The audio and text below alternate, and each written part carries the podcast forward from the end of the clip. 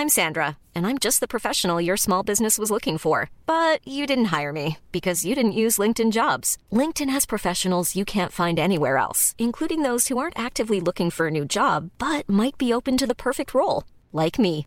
In a given month, over 70% of LinkedIn users don't visit other leading job sites. So if you're not looking on LinkedIn, you'll miss out on great candidates like Sandra. Start hiring professionals like a professional. Post your free job on linkedin.com/people today.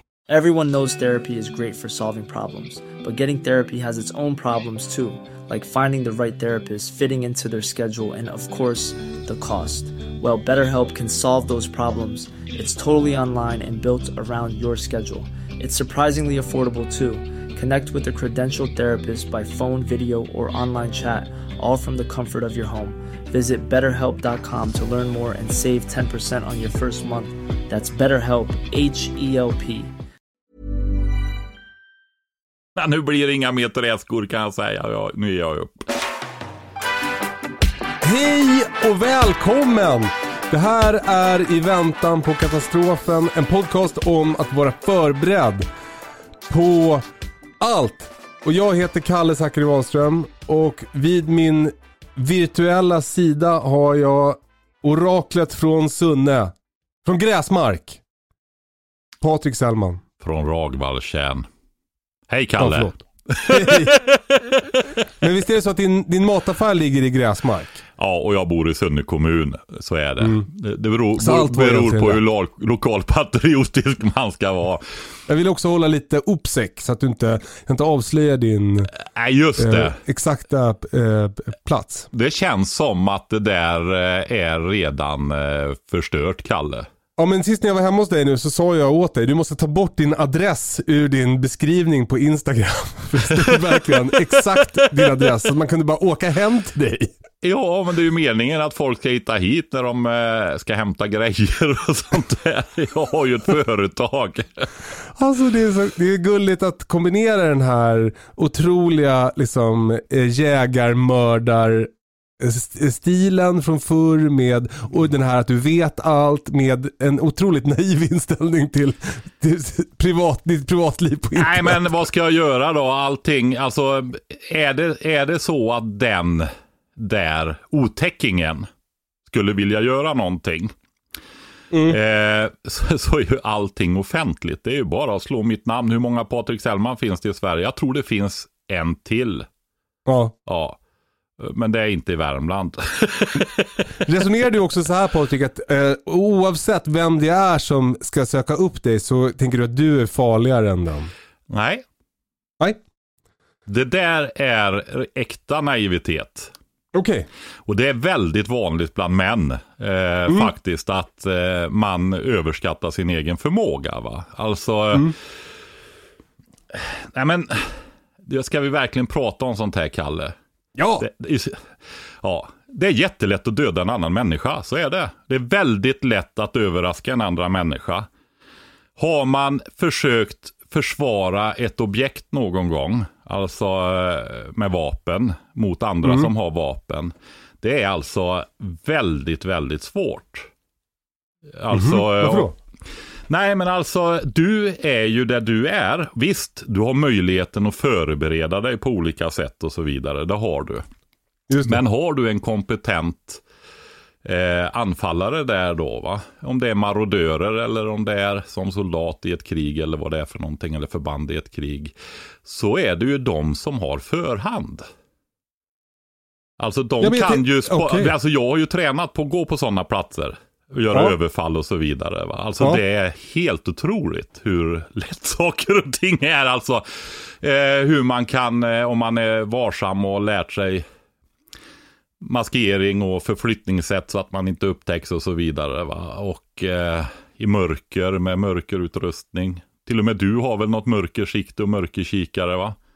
Mm, jag kan inte avslöja det. Nej, du är jägare, det har ju de aktiv, Ja. väldigt aktiv, så man har ju det nu för tiden. Va? Men, eh, eh, alltså du kan ju titta, rutiner, vad folk är, vad gör de, svagheter, alltihopa det där och så slår du till vid rätt ögonblick. Va? Eh, alltså det är jättesvårt. Och när folk som håller på och tänker Det är inte det att man ska ge upp, det är inte det jag menar, men man ska vara fruktansvärt ödmjuk. Va? Utan eh, är det så att man tänker i de här banorna, alltså den där totala kollapsen och eh, eh, ja men du vet, marodörgängen drar över bygderna och man, det går mm. nästan skallgångskedjor inne i, i bostadsområdena och man länsar allt och så vidare. Va? Eh, det där som är i filmer och böcker och alltihopa det där. Och det är ju en del av scenarion som finns på spelplanen. Det känns eh, som... Ja, jag tänker ju också på det, det gör jag, absolut. Men jag ser ju inte det som något huvudscenario på något sätt, va? utan jag är ju eh, mer inne på eh, otroligt besvärliga tider mer. Va? Alltså, mm. Du vet att du har ju haft sådana här scenarion i Jugoslavien och så vidare. Och det, det är ju så att det är ju rest och rätta ting efter det där. va. Det letas ju upp, alltså det, man eh, letar ju upp de här människorna och ställer dem till svar sen. Alltså det blir ju, ja. normaliseras ju efter några år. Ja. Eh, men de finns ju där.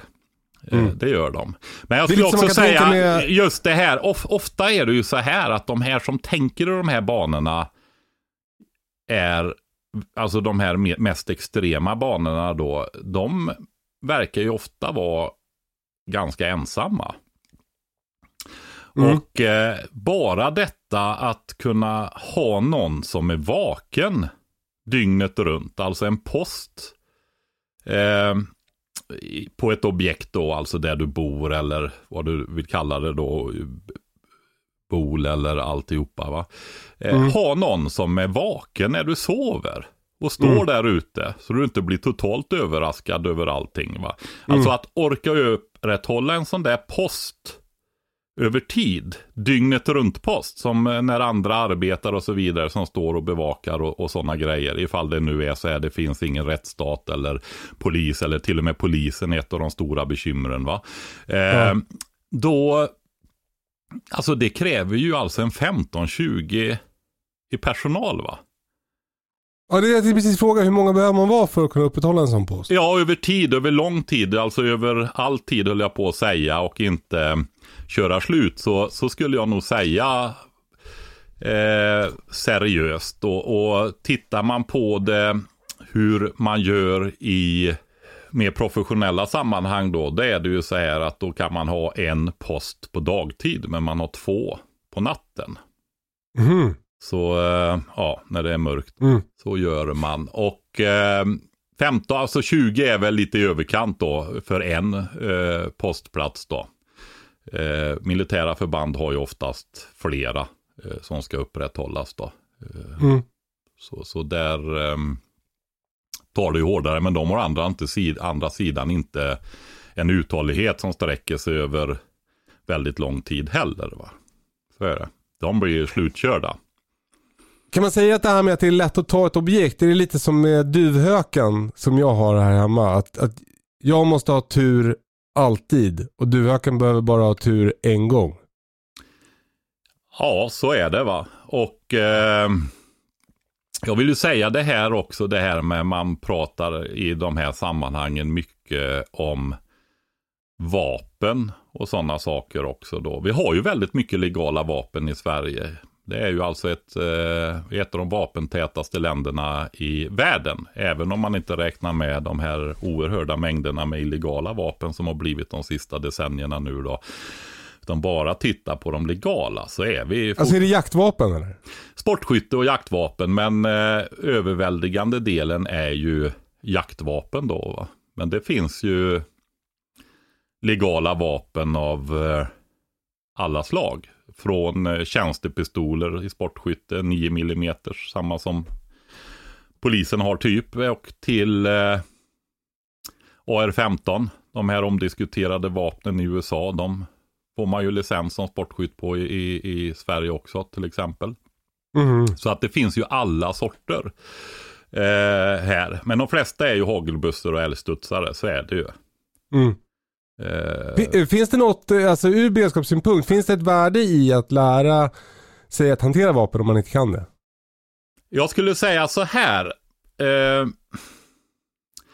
Du har ju en eh, nödvärnsrätt och nödvärnsexcess och så vidare som eh, trängs undan allt mer i Sverige. Det ser man ju på domarna va. Eh, Vad betyder du, det? Eh, ja men det är ju den lagstiftningen som finns eh, runt omkring eh, och praxis som finns runt omkring att du fredar dig själv och din egen dom. Va? Den är mm. skriven mm. så att eh, eh, egentligen att du har rätt stora rättigheter men tillämpningen är inte sån. va. Okej. Okay. Eh, utan eh, du, det, du måste verkligen försöka väldigt eh, lång väg på andra sätt än med, med eldhandvapen av olika slag. Så är det va. Eh, min men... poliskompis har sagt till mig så här att uh, han bara, alltså, om, om det kommer någon, så vad du än gör, ha, skjut inte. Du kommer liksom, det kommer man alltid få ångra. Det är bättre att ha liksom, en telefon och en ficklampa och möjligtvis en, liksom en pinne typ.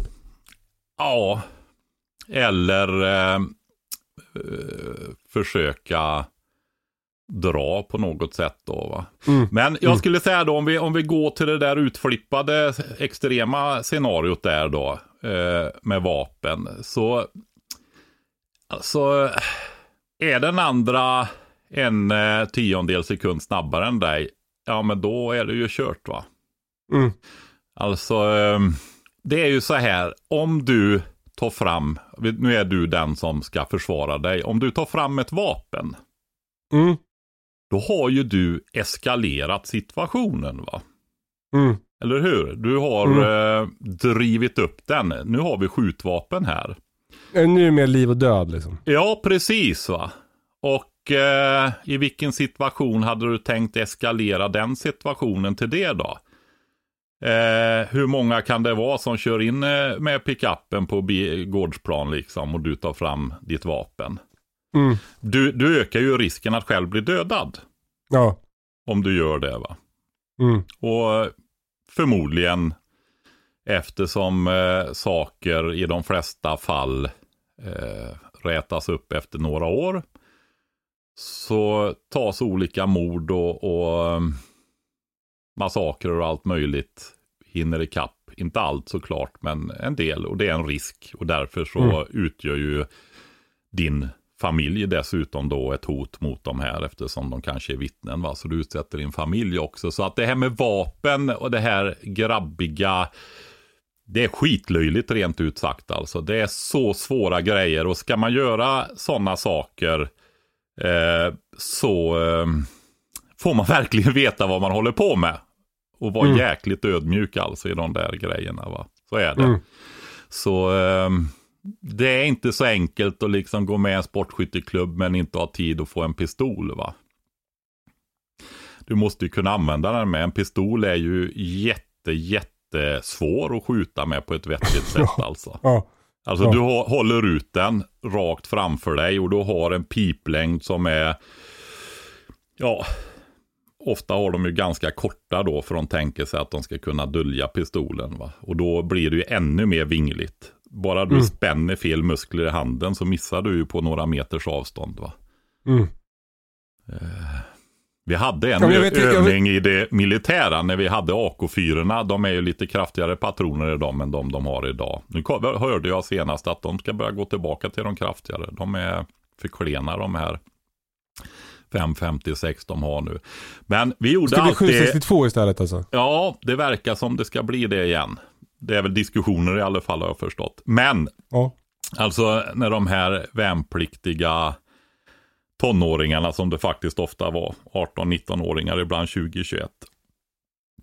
Så hade sett mycket krigsfilmer och så vidare. Så gjorde vi ganska tidigt när vi gjorde skjututbildningen så körde vi det som kallas mejning. Jaha. Och det är helt enkelt att du lägger automatkarbinen mot sidan och håller i pistolkolven och vrider den 90 grader och sätter, om du är högerhänt då så håller du i pistolkolven med högerhanden och avfyrar med höger pekfingret där.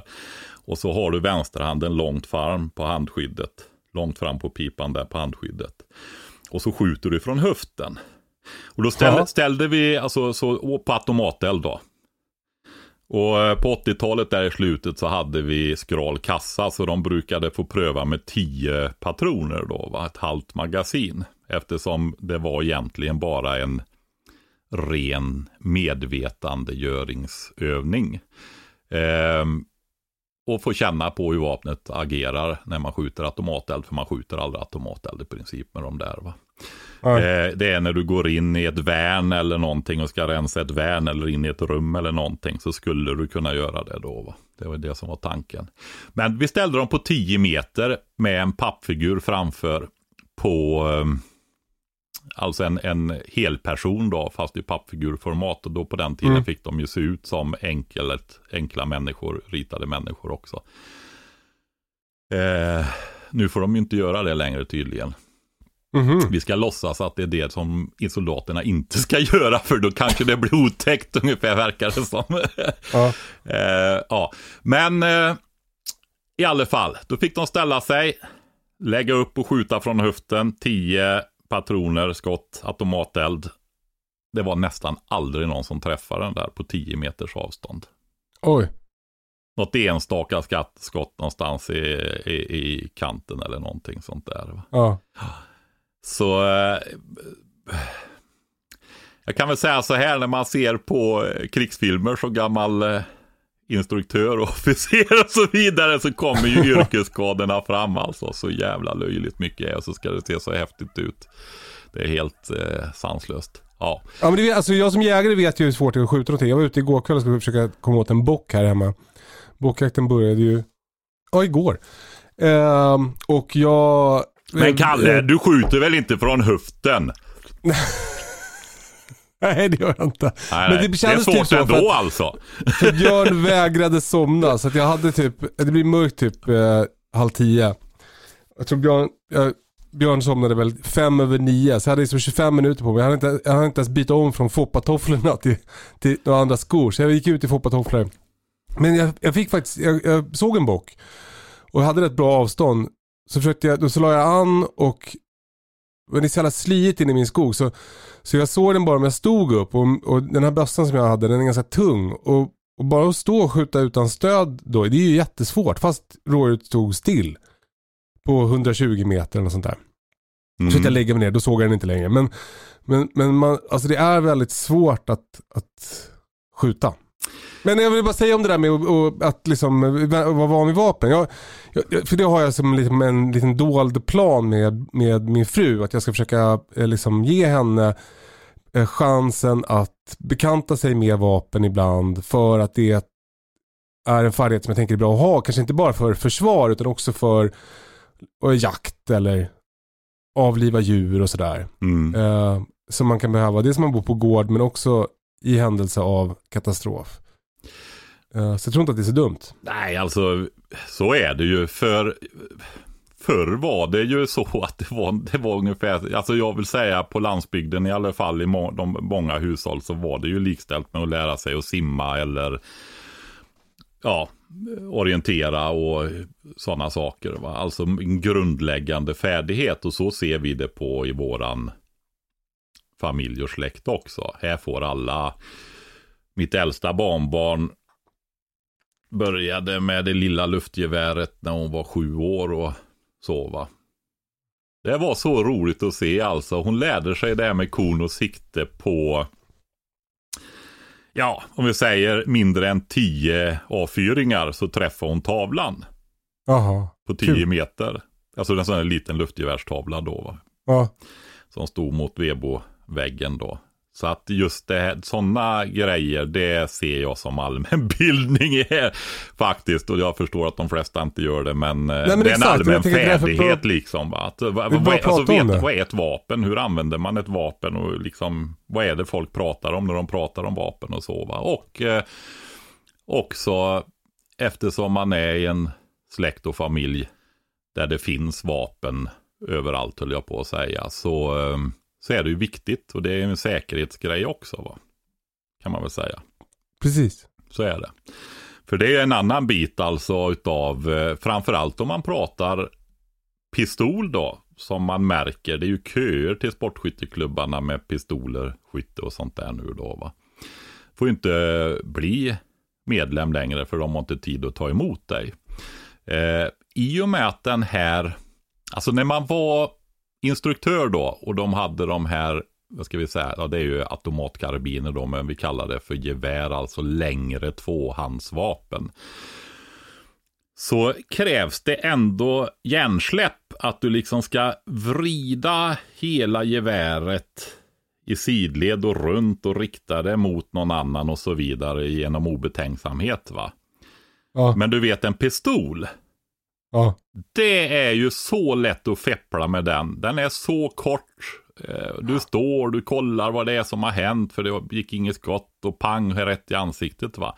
Alltså de, det, och även om vi tänker sådana här grejer som att eh, nu tar vi det här allvarligare scenariot där igen. Finns ingenting va. Vem ska upprätthålla lag och ordning i, i bygden och så vidare va. Det där allvarligaste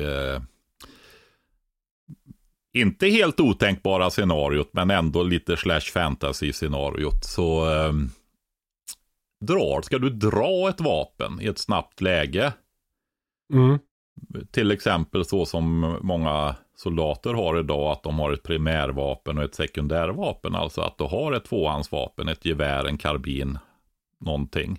Och så har du en pistol och så tar ammunitionen slut, du får eldavbrott och du ska byta och dra. Och det är ett akut läge, det är någon som skjuter på dig eller du möter någon eller sådär va. Alltså, det är ju, du måste ju träna jättemycket på sådana grejer va. Därför att annars är ju risken stor att du skjuter dig själv va. I en stressad Ja, situation dessutom. Alltså det, Ja. det är ju... Alltså det är inte bara att ha det som all annan utrustning när det är ju så mycket eh, utrustningsfixering. Eh, vissa prylar man ska ha och så vidare. Ofta är de bra och genomtänkta och så vidare. Men grejen är ju det att ja, men du måste ju lära dig att använda dem. För när du verkligen behöver dem sen, då är ju situationen, alltså den situationen de är tänkt till är ju allvarlig då. Va? Ja. Och, Och dessu- stressig ja, och och dessutom så och- kanske du inte kan gå ut på YouTube och titta hur det fungerar, vad man skulle göra nu igen och så vidare. Va? Så, eh, och det gäller ju, alltså vapen är ju totalt livsfarliga. Det är ju Ja. så. Det Ja. brukade jag, just det här när du har, står där med eh, 28 eller 46, 18, 19, 20-åringar framför dig. Så spänner man ögonen i dem och ser riktigt skarp ut när de står där med vapnen i början. Och så säger man att den jag håller nu i handen här. Den är alltså avsedd för att döda andra människor. Hiring for your small business? If you're not looking for professionals on LinkedIn, you're looking in the wrong place. That's like looking for your car keys in a fish tank. LinkedIn helps you hire professionals you can't find anywhere else, even those who aren't actively searching for a new job but might be open to the perfect role. In a given month, over 70% of LinkedIn users don't even visit other leading job sites. So start looking in the right place. With LinkedIn, you can hire professionals like a professional. Post your free job on linkedin.com/people slash people today. Everyone knows therapy is great for solving problems, but getting therapy has its own problems too, like finding the right therapist, fitting into their schedule, and of course, the cost. Well, BetterHelp can solve those problems. It's totally online and built around your schedule. It's surprisingly affordable too. Connect with a credentialed therapist by phone, video, or online chat, all from the comfort of your home. Visit betterhelp.com to learn more and save 10% on your first month. That's BetterHelp H E L P. Quality sleep is essential. That's why the Sleep Number Smart Bed is designed for your ever evolving sleep needs. Need a bed that's firmer or softer on either side? Helps you sleep at a comfortable temperature? Sleep Number Smart Beds let you individualize your comfort so you sleep better together. JD Power ranks Sleep Number number 1 in customer satisfaction with mattresses purchased in-store. And now, save 50% on the Sleep Number limited edition Smart Bed for a limited time. For JD Power 2023 award information, visit jdpower.com/awards. Only at a Sleep Number store or sleepnumber.com. Så nu är Mm. ni jäkligt försiktiga med den va. Mm. För du vet, det är det här med naivitet och, eh, och så vidare va. Och tittar du du har ju sportskyttevapen då, de är ju avsedda för målskjutning, så är det. Men alla jaktvapen och alla militärvapen och så vidare, de har ju, är ju avsedda alltså att eh, döda med, så är det. Och sportskyttevapnen är definitivt kapabla till det också då va. Många gånger i sportskyttet så var det ju också avsett för att upprätthålla skicklighet hos ja, polis och, och militär och så vidare. Va? Hemvärn och allt det här. Det är starka kopplingar där. Sportskytte, alltså jag, jag tror fortfarande i alla fall delar av sportskytterörelsen tillhör frivilligförsvaret. Då. Det var ju en det, det, Jag tänkte precis fråga om det där. Jag, jag, jag skulle vilja höra mer om, om kopplingen mellan sportskytte-Sverige och totalförsvaret. Eller vad man ska säga. Alltså historiskt har den ju varit jättestark. Visst har vi en väldigt stark sportskytterörelse i Sverige också? Ja, fast den är ju eh, vikande. Tittar man på eh, gevärsskyttet, det traditionella gevärsskyttet med, med, mm, som har varit så starkt under stora delar av 1900-talet, så är ju det, mm, när det är kretsmästerskap och så där, så får man ju vara glad om det är 10-15 stycken som kommer. Va? Mm. Pistolskyttet däremot är, eh, ja men där kan det vara på de större tävlingarna flera hundra då va. Mm. Och eh, många av de, vad ska vi säga, länsnivå tävlingar eller län med angränsande län inbjudna och så vidare så handlar det ju ofta om 50 till 100 i alla fall. Va? Som terror då. Men sen finns det ju en, det som kallas dynamiskt skytte. Och det är ju det skyttet som används utav, ska vi kalla det för operativ personal, poliser, militärer och så vidare för att öva på situationer och tillämpat skytte. Och det är ju också en tävlingsform och där är ju också många civila som är med då. Det är ju där du har de här eh, ja, vapnen som jag tror många inte tror att man får ha licens på i Sverige då, där det finns då. Och det är typ så här springa fram bakom ett hinder, kika fram, skjuta, springa till nästa eh, skydd, skjuta ett skott där. Ja, olika hål, liggande, stående, sittande, komplicerade situationer. Ett hörn på vänster sida, ett hörn på höger sida. Um, och tid, väldigt snabbt ska det skjutas då. Och det är magasinsbyten och alltså så, så efterlikna en verklig allvarlig situation då. Men, tycker du att det här är, alltså är det här, eh, eh, om man lyssnar på det här och är, är, tycker att det är viktigt med beredskap, uppmanar du folk att lära sig hantera vapen? Alltså för mig, som jag sa då, i min familj så är det ju allmänbildning. Och jag tyckte faktiskt att jag kan vara, alltså det, värnpliktsförsvaret hade ju väldigt många fördelar och en del nackdelar och så vidare. Va? Eh, beroende på ofta på hur man ser på det då, va? alltså ideologiskt och så. Eh, och en del, ja, det är för och nackdelar med allt.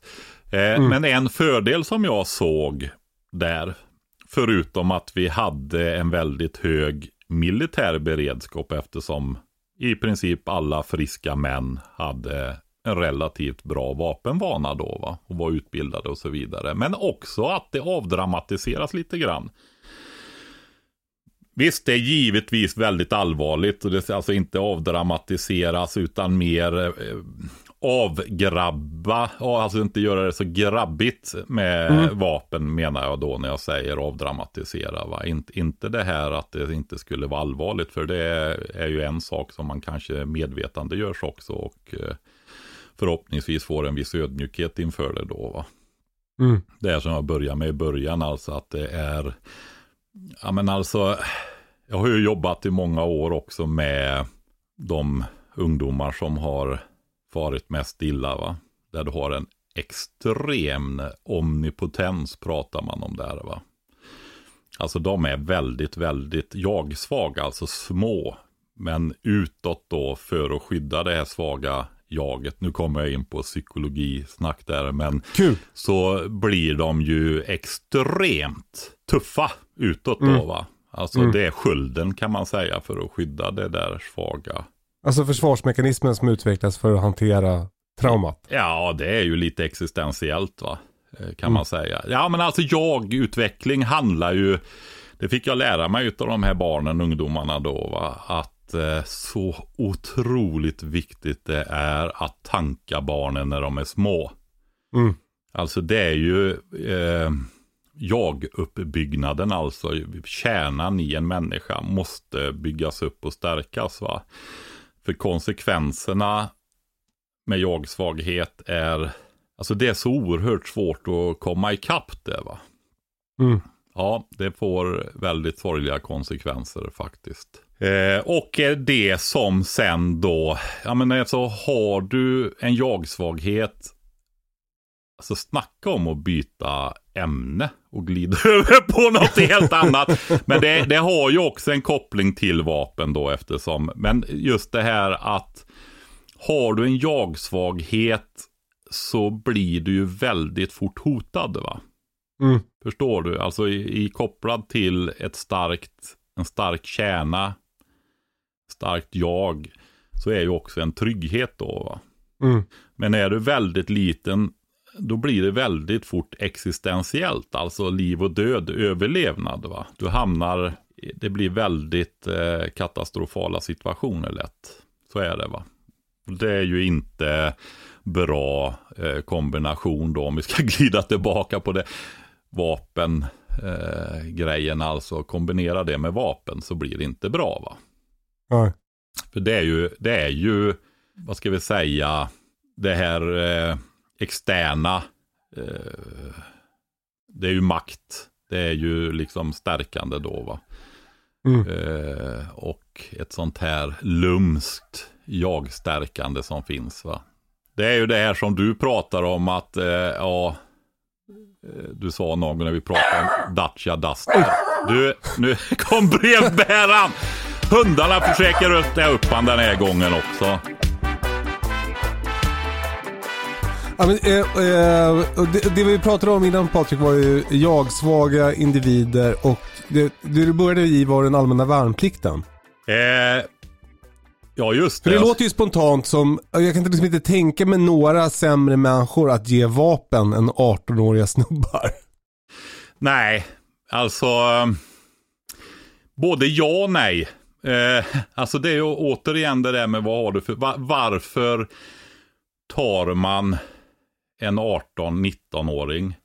Och, och historiskt faktiskt så kunde du göra värnplikten om du tänkte gå in och bli underbefäl. Så kunde du faktiskt göra det när du var 16. Mhm. Men det är ju också som eh, när jag pratar med min pappa om det här då. Eh, alltså när han var med i hemvärnsungdomen som 15-åring. Så fick ju de ta med sig sina karbiner hem alltså. Fy fan vad sjukt. Ja, men alltså grejen var ju det att ja, det var, hände ju ingenting. Det är ju som det Nej. där jag har berättat för dig. Vi berättade, vi, du skrev ju att vi hade pratat om Kalixlinjen och i själva verket så kom vi väldigt fort in på jägarstriden i det där avsnittet om, om Kalixlinjen. Så vi pratar ju egentligen aldrig om Kalixlinjen.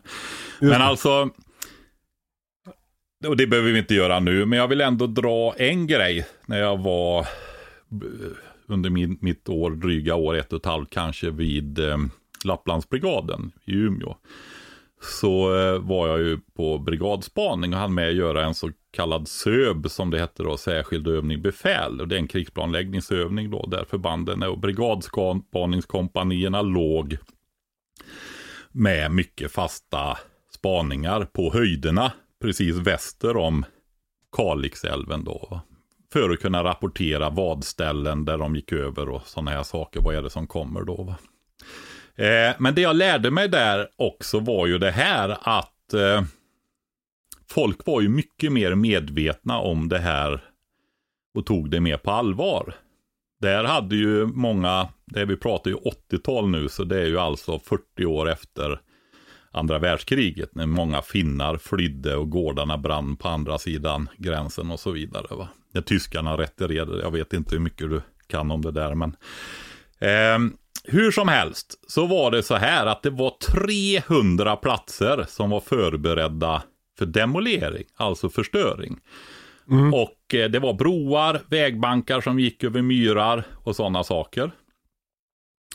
Eh, för där är det så att du har som bäddar som flyter på myrarna då. Och spränger du dem där så går de i princip inte att reparera heller. Eh, alla de här sprängplatserna var ju förberedda. Alltså det fanns eh, trummor och så vidare i, i eh, vägarna då. Och folk var utbildade på att med konladdningar och så vidare skjuta hål i vägar och vidga med sprängdeg i botten och sånt där för att kunna fylla med mer sprängmedel och blåsa bort och sånt också om det behövdes på ställen som inte var förberedda. Men 300 ställen var förberedda. Och det var alltså vanliga hemvärnsgubbar. För det var gubbar mycket på den tiden, för de andra var ju de reguljära förbanden då. Alltså brigaderna och lokalförsvarsförbanden och det här, för man var ju där till 47 då. Och eh, de hade ju sprängmedlen, va? tonvis med sprängmedel i kasuner som var bredvid, lite dolda men bredvid de här platserna. Jaha. Och de hade ju nycklarna orden var redan given för man var inte säker på att man skulle nå fram med den. va. Så i princip skulle de spränga när ryssarna kom va? Om det behövdes. Alltså det här förtroendet. Ja men det var ju ingen som tömde kasunerna och gick omkring och sprängde grejer. Ja, det är sjukt att det funkar. Ja, Alltså att det inte händer mer skit. nej. Det var ju samma förut så hade ju hemvärnet då de här 110 000. De hade ju ammunition, alltså förstahandsammunitionen oftast bestående av en ammunitionsask då va. Eh, 20 patroner eller 36 om det var en k-pist eller någonting sånt där va. Och eh, komplett vapen, all utrustning så de kunde ta på sig grejerna, ta sitt vapen, ladda, gå ut genom dörren va. Så var de en utrustad soldat som kunde ställa sig och vakta en bro eller antenn eller någonting va. Mm. Eh, men idag ser jag nu, nej, det får inte vara hemma. Det var ju väldigt lite problem även under den tiden. Problem fanns ju om du pratar 110 000 man, va? Eh, såklart, som hade vapen hemma på det viset. Idag är vi ju många fler ändå om vi räknar in jägare och sportskyttar. Det är ju hundratusentals, många hundratusentals. Eh, men de hade i alla fall det och var beredda. Idag sitter ju vitala delar, alltså en del som finns på vapen. Det kan variera med vapentyp, men en vital del för att vapnet ska fungera. Den plockar man bort. När man hade vapnen hemma så skulle man ju dela på det. Så vapnet var på ett ställe, vital del var gömd på ett annat ställe och ammunitionen på ett tredje ställe. Eh, men här nu för tiden är vitala delen i något gemensamt lager. Något kassaskåp under någon polisstation eller någonstans. Va? Mhm. Och det kan Man, vara man många vapen mil. hemma. Vad sa du? Man har fortfarande vapen hemma men man måste ändå åka för att hämta den vitala delen någon annanstans. Ja, ja, de är ju oanvändbara. Visst, de har ju Ja. den där då. Så att det ska vara utspridda de. Men de behöver, det är ju så mycket järnrör som helst i princip. Ja. Eh, utan vitala delen då. Så är det. Så att det har ju blivit en väldig, ifrån ett oerhört förtroende och tillit till varandra så har det gått till misstro som jag ser det då var väldigt mycket. Och det märker man också om man är sportskytt och så vidare. Istället för liksom för att det uppmuntras.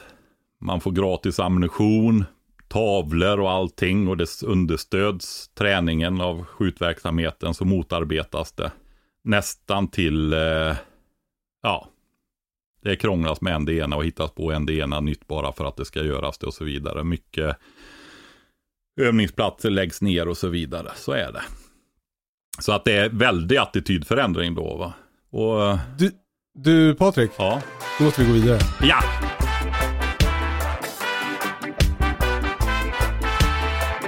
Eh, en grej som vi får mycket frågor om till podden. Tack för jättemycket prat om vapen Patrik. ja. Det var jättespännande. Eh, en grej som vi får mycket frågor om till podden är eh, eh, medicin. Alltså eh, vad behöver man ha hemma i sin, sitt, eh, eh, sina preps när det Mm. kommer till medicin. Och jag tänkte vi skulle gå in lite på det idag. ja. Eh, för det är ju på något sätt andra änden av spektrat. Om vapen är eh, för att ta liv så är medicin för att rädda liv. Mm. Så, vad ska man ha hemma? Mm. Jag får bara inflika där att eh, vapen kan ju också vara för att rädda liv. Eh, givetvis. Ja, så är det. Ja, vad ska man ha hemma där? Och jag tänkte med en gång, oj då, ja men vi börjar så här, för att det där är ju givetvis beroende på vilken ambitionsnivå du har. Va? Vi har ju, jag tror att de flesta liksom funderar på en vecka 14 dagar. Mm. Eh, och vad kan hända på en vecka 14 dagar? Eh, som man behöver ha, och det där styr ju också mängden. Om man tar en sån som mig, som har levlat upp lite. Jaha, för att använda din, vad var det du sa för spel? Du hade liksom sån här egenskap när vi pratade eh, lagra mat. Och då sa du att ja, men jag är ett- en typisk Pokémon-personlighet, sa du så? Mm, det sa jag nog. Ja, jag, såg, jag kan inte Pokémon så bra så jag förstod inte kopplingen. Men jag misstänker att jag vet att man levlar upp och bygger upp. Precis, man, man samlar och levlar upp. Ja, precis.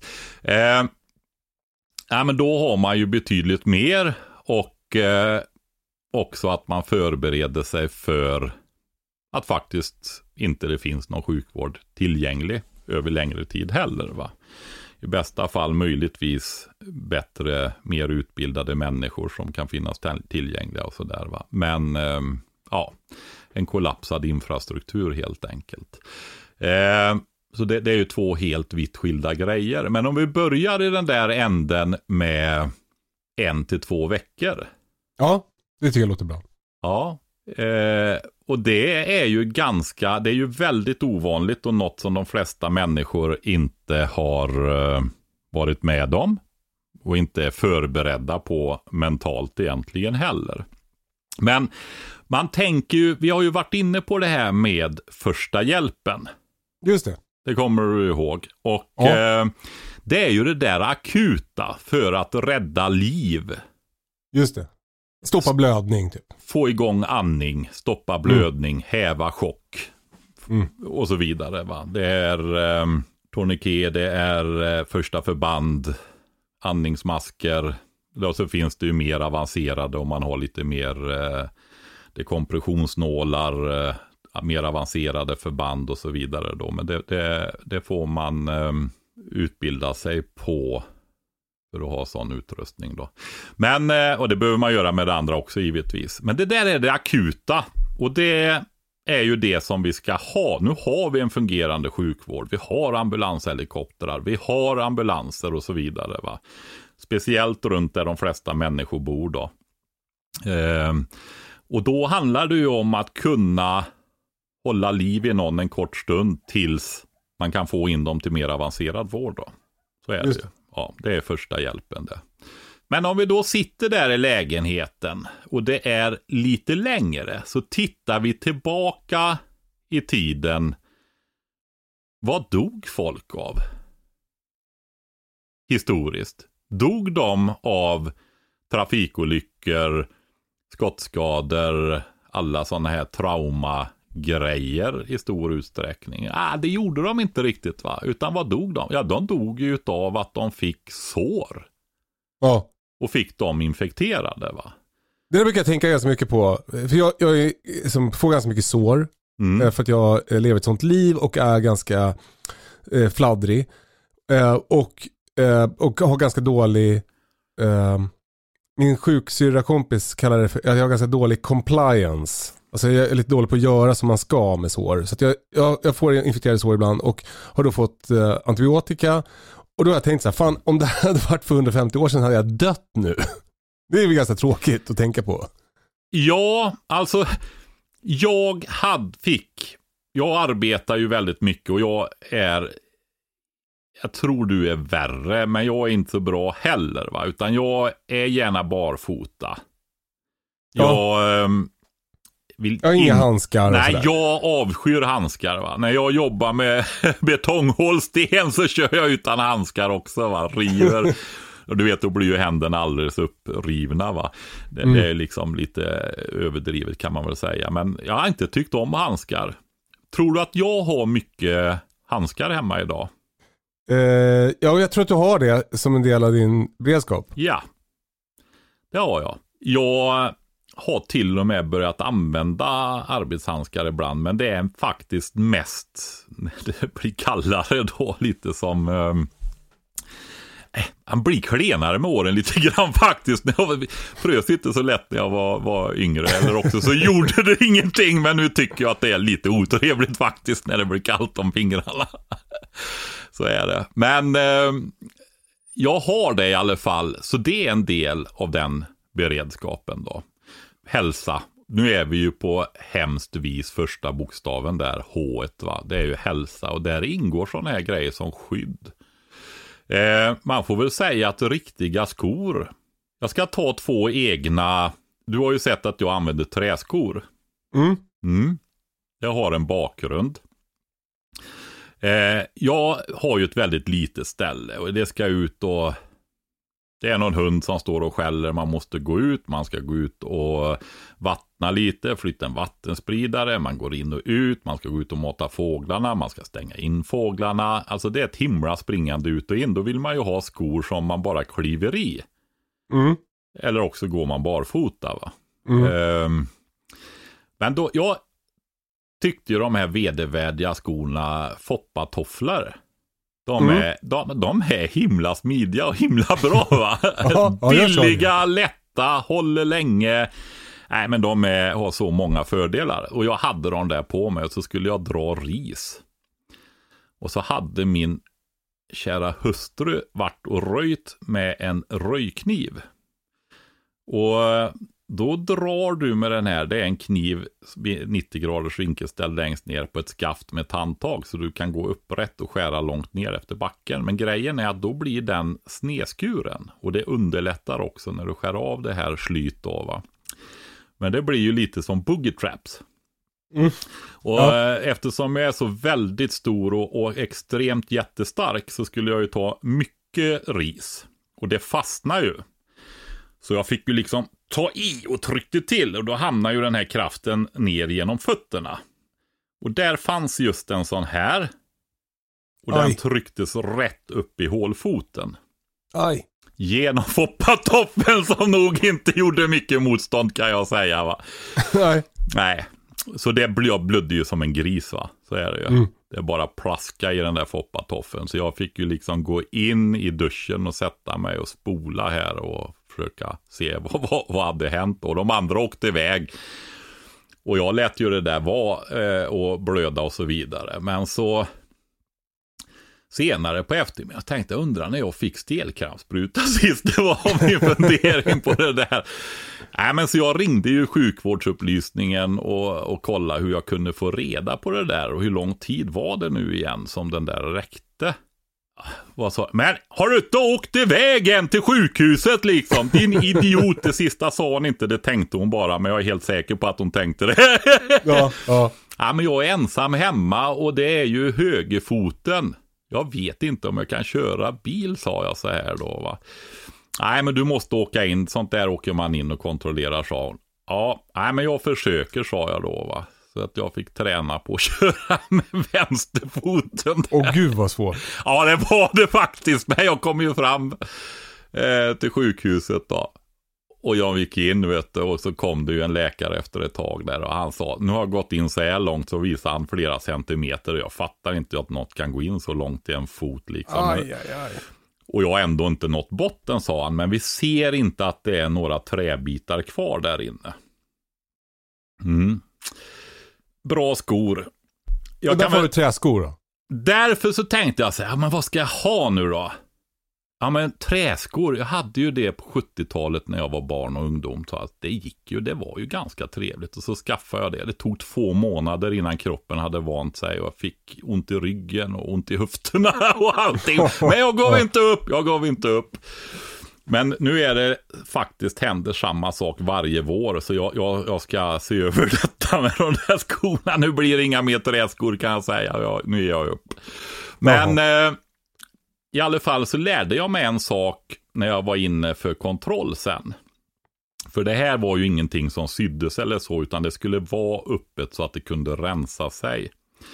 Men då kom det in en undersköterska och bytte ut det här luftiga skyddande plåstret kan vi kalla då, kompressen.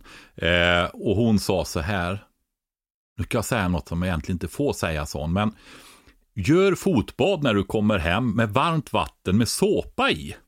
Mhm. För då kommer det här och det såg ju för jädrigt ut med blod och koaguleringar och liksom. Ja. Alltså, såg otrevligt ut kan jag säga. Ja, ja. Och då sa hon det, sätt dig i fotbad, varmt vatten, ja, egentligen så varmt du klarar av och med såpa i. Vanlig såpa. Och det Mhm. gjorde jag. Och så satt jag där ett bra tag och när jag tog upp fötterna så var hela foten, hela såret, alltihopa precis kliniskt rent. Jaha.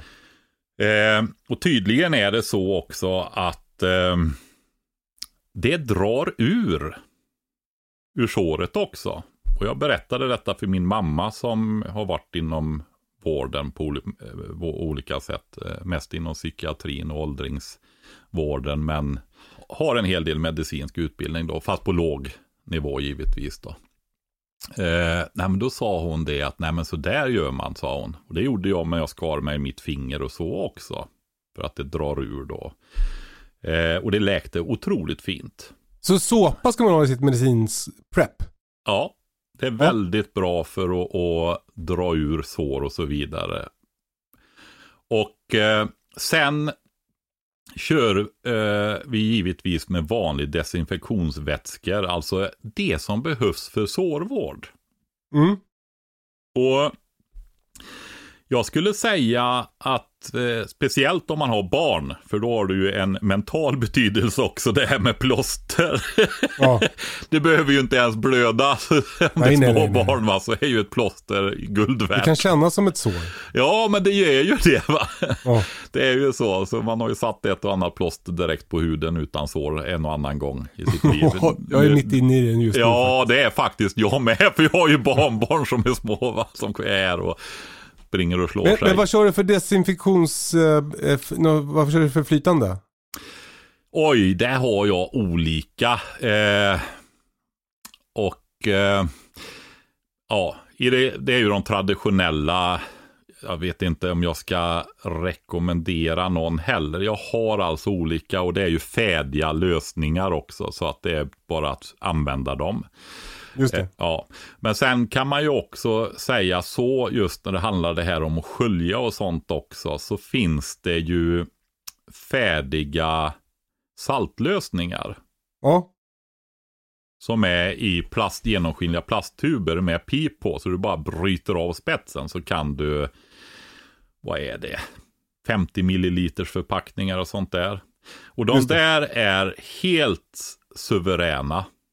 Eh, just att spola rent med, skölja Så du får ur. lite tryck då liksom? Precis, precis. Och det är ju samma saltlösning som du har i kroppen då, så det är extra skonsamt då. Och det är fram, jag faktiskt använde en, ba- jag tror inte det är en vecka sedan, eller kanske en vecka, väldigt nyligen på min hustru. Ja. Och eh, hon eh, kom inte riktigt ihåg hur det gick till, men hon, vi, eh, ja men vi rensade ogräs. Vi har inte riktigt hunnit med att sköta oss perfekt. Så att vi fick gå ut och rycka ogräs, alltså när det blir väldigt mycket jobb. Så då, om man inte, och gör man det vid rätt tid så kan en lång bädd ta 5-10 minuter, men sen får du gå och när du ska gå och rycka, då blir det 10 gånger så mycket jobb. Mm. Om det ska bli perfekt. Och det gjorde vi ju givetvis inte. Det är för mycket arbete. Men vi ryckte och då fick hon ett riktigt jordsprut rätt upp i ansikten och in i ögonen. Hon hann inte stänga ingenting va. Så ögonen var fulla med, eller fulla var de inte, men det var mycket jord i ögonen då va. Hon försökte blinka och det gick ut och det är väldigt otrevligt. Så då sprang jag och hämtade en sån där saltlösning. Så det är också väldigt bra för att skölja ögonen då va. Ja, ja. Och det har man råkat ut för att få grejer i ögonen som ligger under ögonlocket och du känner det hela tiden när du blinkar och det drar. Det är ju dels kan det ju vara grejer som skadar hornhinnan, alltså det yttersta hinnan på ögat då. ja. Eh, men eh, framförallt är det ju otroligt otrevligt va. Och då är sådana här grejer jättebra att kunna spruta försiktigt i ögonen och så också. Det finns ju speciella ögonsköljar också. Eh, som finns på arbetsplatser och så vidare då. Men... Och Britta eh, har ju linser, så hon kör ju linsvätska när jag får grejer i ögonen. Mm, Okej, ja det är en större flaska med en pip också så hon kan. Det är väl typ samma antal i. Jag skulle tro det. Eh, men du, Patrik, nu börjar vi närma oss tim, eh, ti, eh, timmen här och vi måste börja bli lite mer konkreta. Ja, Så, så om vi kan få grejer utan anekdot till. okej, bara en ramsa. vi, jag skriver Alltså upp här nu. fattar du hur jädra tråkigt det blir? Desinfektion för sår. Det är en grej man ska ha. Ja, och så Och pratar vi det, om... då kan man till exempel ha koksalslösning eller Alsolsprit kör jag mycket. Ja, precis. Det finns gamla Decivon och det finns olika grejer. Och jag kan då säga också fylla på att någonting har du tänkt på ibland när du tittar inom sjukvården så tar de på en vätska och så torkar av när de ska operera, skära och så vidare så blir det brunt va? Mm. Har du tänkt på det? På filmer och sånt där. Mm. Det är ju med största sannolikhet jod. Just det. Jodopax. Precis, det finns. Eh, när jag vill ha lite långsiktiga grejer om vi säger så för det här allvarligare scenarierna då åker jag och köper eh, grejer till hästar till exempel. Ja, Då ja. får du lite högre koncentration på grejer och sånt där. Ja, men då kan du, då tar det inte så vansinnigt stor plats och ha lite större mängder. Och Jodopax är ju, men jag vet inte, det behöver, behöver du kanske inte ha i det korta scenariot då, utan det är ju i längre scenarion för att verkligen kunna eh, göra rent och så för allvarliga grejer då. Vi Så går är- vidare nu Patrik. Ja, Nu- vi måste, grej. ja, då är det, är det sårvård fortfarande. Och då Ja. är det ju lite större sår att kunna ta hand om det. Då finns Ja. det olika typer av kompresser. Ja. Eh, alltså sådana här filtergrejer. Och där är det en viktig grej därför att eh, en del klibbar fast eh, i såren.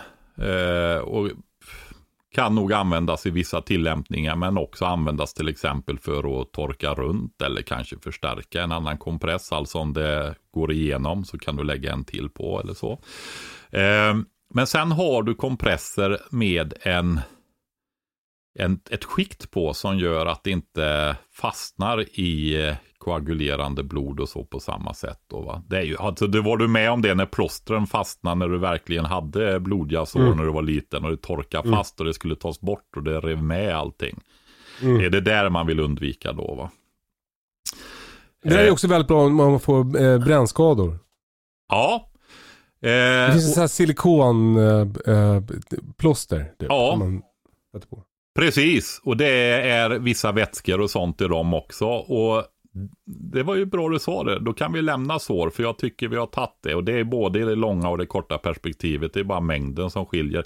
Men det man ska tänka på, det är ju det, om vi pratar en vecka, 14 dagar, en månad och så vidare. Är det någon som får sår och du ska ta hand om det, det går åt mycket material va.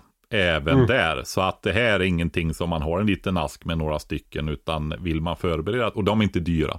Det handlar om tior sådana här askar. Så man kan köpa några stycken om vi rör oss i den där.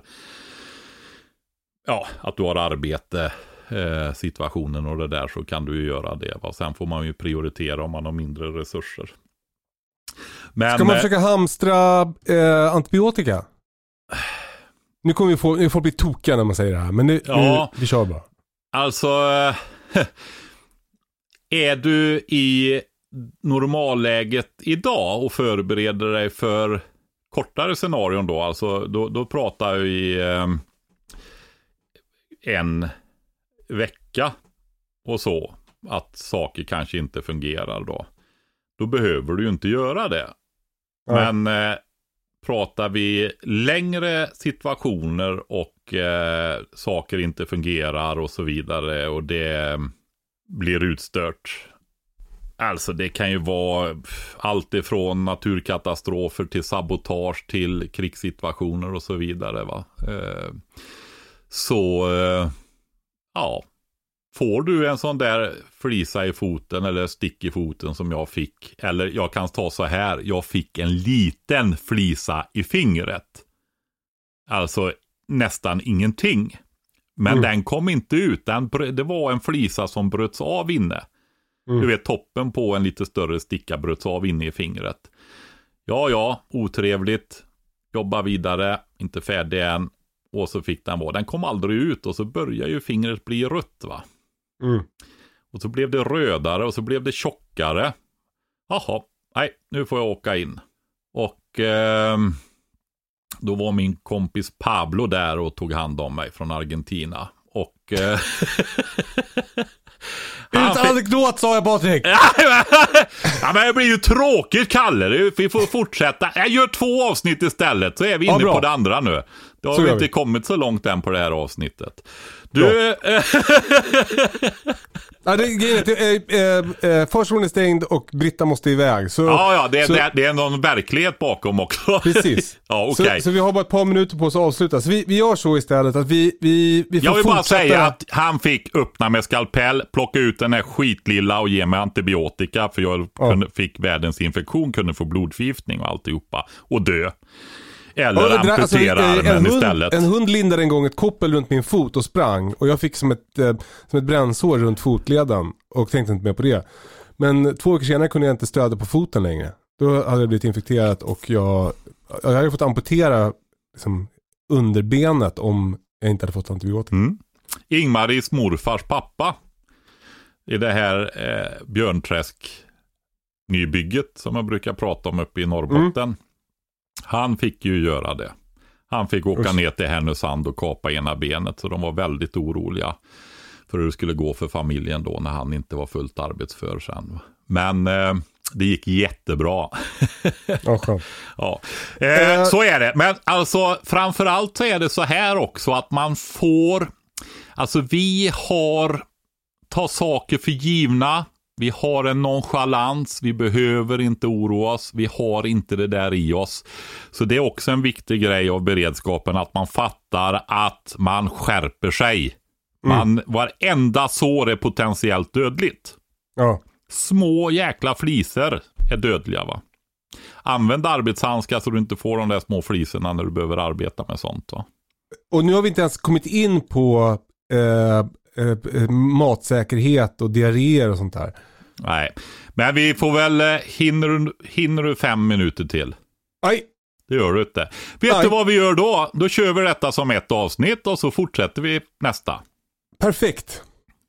Det vi, har vi mer göra. Att prata om, vi har mer att prata om Patrik. Vi får eh, höras igen om en vecka, vare sig vi vill eller inte. Eh, Ja, nu är vi ju tvungna.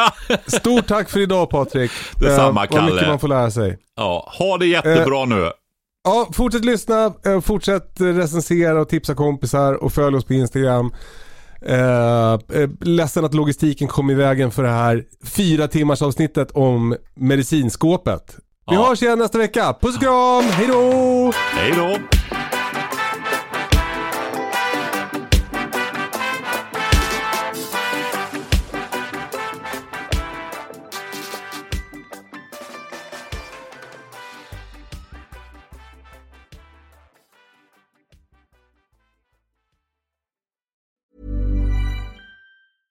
Mom deserves the best, and there's no better place to shop for Mother's Day than Whole Foods Market. They're your destination for unbeatable savings, from premium gifts to show-stopping flowers and irresistible desserts. Start by saving 33% with Prime on all body care and candles. Then get a 15-stem bunch of tulips for just $9.99 each with Prime. Round out Mom's menu with festive rosé, irresistible berry chantilly cake, and more special treats. Come celebrate Mother's Day at Whole Foods Market. Planning for your next trip? Elevate your travel style with Quince. Quince has all the jet setting essentials you'll want for your next getaway, like European linen, premium luggage options, buttery soft Italian leather bags, and so much more. And is all priced at 50 to 80% less than similar brands. Plus, Quince only works with factories that use safe and ethical manufacturing practices. Pack your bags with high-quality essentials you'll be wearing for vacations to come with Quince. Go to quince.com slash pack for free shipping and 365-day returns.